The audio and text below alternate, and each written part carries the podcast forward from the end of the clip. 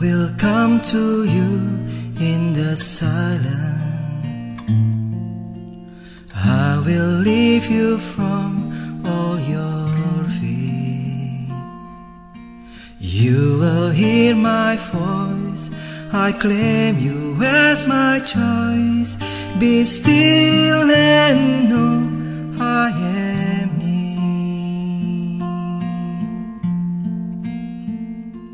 Sahabat Fresh Juice, sesaat lagi kita akan mendengarkan Fresh Juice Minggu 15 September 2019 bersama Romo Dwi Joko dari Surabaya. Semoga Fresh Juice yang kita dengarkan semakin menyejukkan dan menyegarkan jiwa kita. Selamat mendengarkan.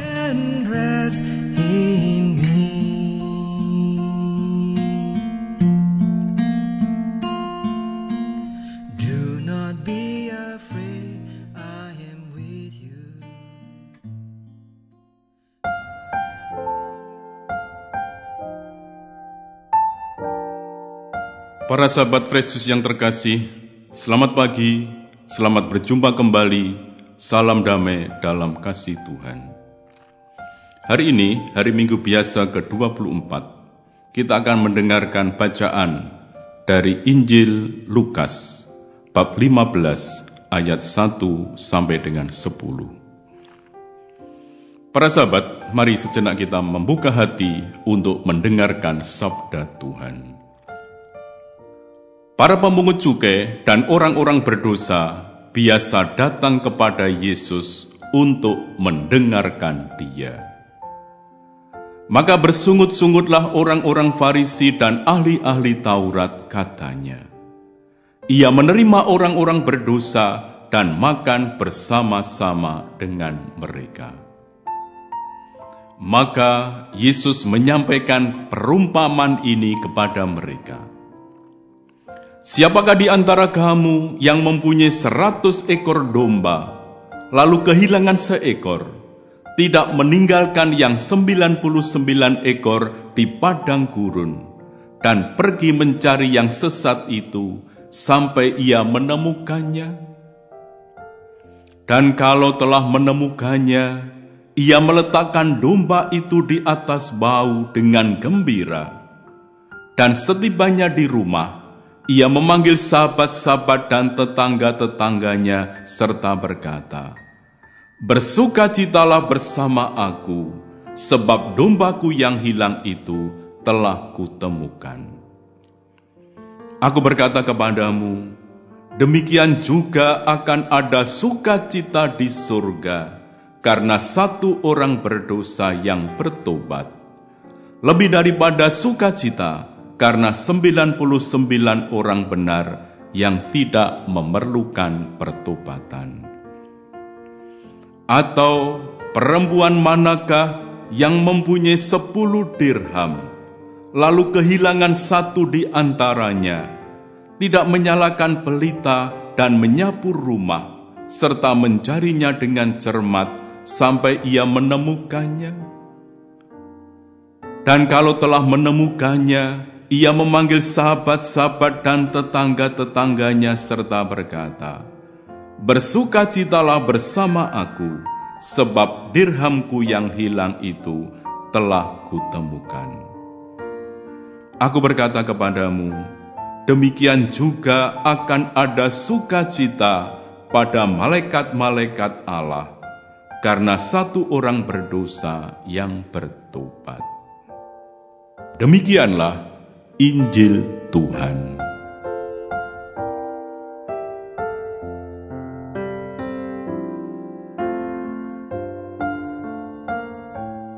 Para sahabat, dalam Injil Lukas, perumpamaan tentang domba yang hilang dikemukakan Yesus sebagai tanggapan terhadap orang Farisi dan ahli-ahli Taurat yang bersungut-sungut melihat dirinya terlalu dekat dengan para pendosa. Perumpamaan ini juga dicatat oleh penginjil Matius sebagai bagian dari pembicaraan tentang kemuritan. Allah tidak ingin siapa pun dari dombanya tersesat dan meninggalkannya. Domba yang tersesat dan meninggalkan gembala dicari dan dibawa kembali ke tengah kawanan dombanya. Inilah panggilan bagi para murid untuk menjalankan tanggung jawab pastoral sebagai pemimpin. Tekanan ini berbeda dengan penginjil Lukas yang menekankan sukacita Allah ketika salah satu dari dombanya berhasil ditemukan dan diselamatkan. Tekanan ini mengajarkan kepada orang Farisi dan ahli-ahli kitab tentang betapa pentingnya keselamatan bagi satu orang berdosa bagi Allah. Meskipun yang hilang cuma satu, si pemilik pasti akan mencarinya sekuat tenaga. Tidak peduli bahwa sebenarnya ia masih mempunyai 99 ekor domba. Mengapa demikian? Satu ekor domba bagi orang lain mungkin tidak signifikan, tetapi baginya domba itu tetaplah milik yang sangat berharga. Barangkali kita bertanya, apa tidak berlebihan dikatakan dalam perumpamaan ini pemilik domba meninggalkan ke-99 ekor domba untuk mencari seekor saja yang tersesat? Untuk memahami gaya bicara ini, baik diingat bahwa perumpamaan ini mulai dengan menyebutkan pemilik domba yang memiliki 100 ekor domba. 100 itu kelipatan 10 angka yang melambangkan keutuhan.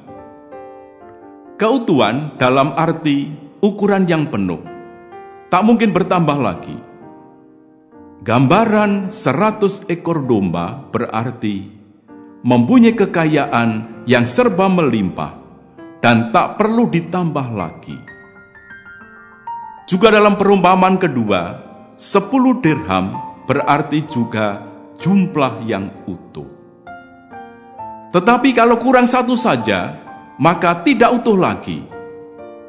Juga kehilangan satu dari seratus domba, berarti kekayaannya menjadi tidak utuh lagi. Ada kekurangan yang mengusik, maka jelas mengapa pemilik domba dan perempuan yang kehilangan satu saja dari miliknya itu berusaha keras untuk menemukan yang bakal membuat miliknya menjadi utuh.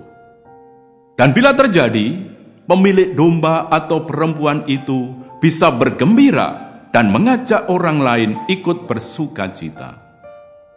Sukacita itu terjadi setelah jerih payah dan usaha menemukan yang hilang. Lewat perumpamaan ini hendak digambarkan betapa besar perhatian Tuhan ia belum puas bila masih ada sebagian kecil dari umat manusia yang belum mengenal cintanya. Serasa masih ada satu ekor domba yang tersesat, masih ada dirham yang terselip. Tidak mengherankan bila dikatakan pemilik domba itu meninggalkan yang 99 untuk mencari seekor yang hilang. Tak perlu ditafsirkan sebagai melalaikan jumlah yang besar tadi. Bersukacitalah bersamaku. Inilah gambaran hati Allah yang tak pernah lelah mencari yang hilang dan bersukacita ketika seseorang ditemukan kembali. Dikatakan, sukacita Allah lebih daripada sukacita karena 99 orang benar yang tidak memerlukan pertobatan. 99 orang benar mewakili orang-orang Farisi dan ahli-ahli Taurat yang merasa diri benar sehingga tidak perlu bertobat. Para sahabat, melalui perbandingan ini, Yesus nampaknya mau menyindir orang-orang Farisi dan ahli-ahli Taurat yang menganggap diri mereka benar dan tidak membutuhkan pertobatan. Melalui perumpamaan dirham yang hilang, Yesus mengulang kembali tema yang sama, yakni sukacita karena menemukan kembali apa yang hilang. Perempuan itu mencari dengan cermat sampai menemukan kembali dirham yang hilang itu. Lewat perumpamaan ini, Tuhan ingin menyapa kita. Pertama, menumbuhkan kesadaran bahwa kita adalah pendosa yang terus dicari Tuhan. Tuhan tak kenal lelah mencari dan menemukan kita. Kita perlu menghidupkan kesadaran diri akan dosa dan rela ditemukan kembali oleh Tuhan, Sang Gembala yang baik. Sukacita surgawi adalah sukacita ketika menemukan kita yang tersesat dan dibawanya kembali ke dalam kawanan. Inilah kekuatan akan kesatuan. Setiap pribadi dengan segala dosa dan kelemahannya adalah sangat berharga di mata Allah, sangat dicintai oleh Allah. Kedua, kita dipanggil untuk mempunyai hati seorang gembala yang terus rela merawat, mendidik, dan mencari sampai menemukan mereka yang tersesat dan hilang. Kita juga dipanggil menjadi seperti perempuan dalam perumpamaan dirham yang hilang. Perempuan itu juga melambangkan bunda gereja. Siapakah gereja? Kita semua adalah gereja. Kita semua dipanggil untuk mengasihi dan merawat jiwa-jiwa, mencari dan menemukannya kembali bila mana ada yang tersesat atau hilang. Kadang-kadang kita terlalu disibukkan dengan rutinitas kegiatan gereja atau program-program yang harus terlaksana. Lalu kita lalai untuk merawat atau mencari yang hilang. Menyelamatkan jiwa-jiwa dan mengantarnya kepada Tuhan, itulah tujuan pelayanan kita. Semoga kita tidak terlena kepada hal-hal yang rutin dan hal-hal yang fisik semata, tetapi kita juga konsisten memelihara, merawat, membangun, menguatkan jiwa-jiwa yang Tuhan percayakan kepada kita serta mencarinya apabila ada yang hilang, dan menghantar mereka menemukan kembali jalan-jalan Allah. Bila berhasil menemukannya, akan ada sukacita pada malaikat-malaikat Allah karena satu orang berdosa yang bertobat. Marilah berdoa. Allah yang berbelas kasih, karena kami orang berdosa, Engkau mengutus putramu untuk memperdamaikan kami dengan Diko. Hidupkanlah dalam diri kami kesadaran akan dosa kami, agar kami rela ditemukan oleh Yesus Kristus yang datang mencari kami. Dialah putramu Tuhan dan pengantara kami, kini dan sepanjang masa. Amin. Tuhan bersamamu. Semoga saudara sekalian dibimbing, dilindungi, dan dikuatkan oleh berkat Allah yang Maha Kuasa, Bapa dan Putra dan Roh Kudus. Amin. Sahabat Fresh Juice, kita baru saja mendengarkan Fresh Juice Minggu 15 September 2019.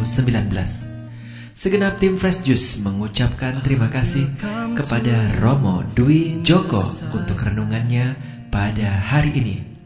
Sampai berjumpa kembali dalam Fresh Juice edisi selanjutnya. Tetaplah mengucap syukur dan salam Fresh Juice. Do not be afraid, I am with you. I have called you it by name.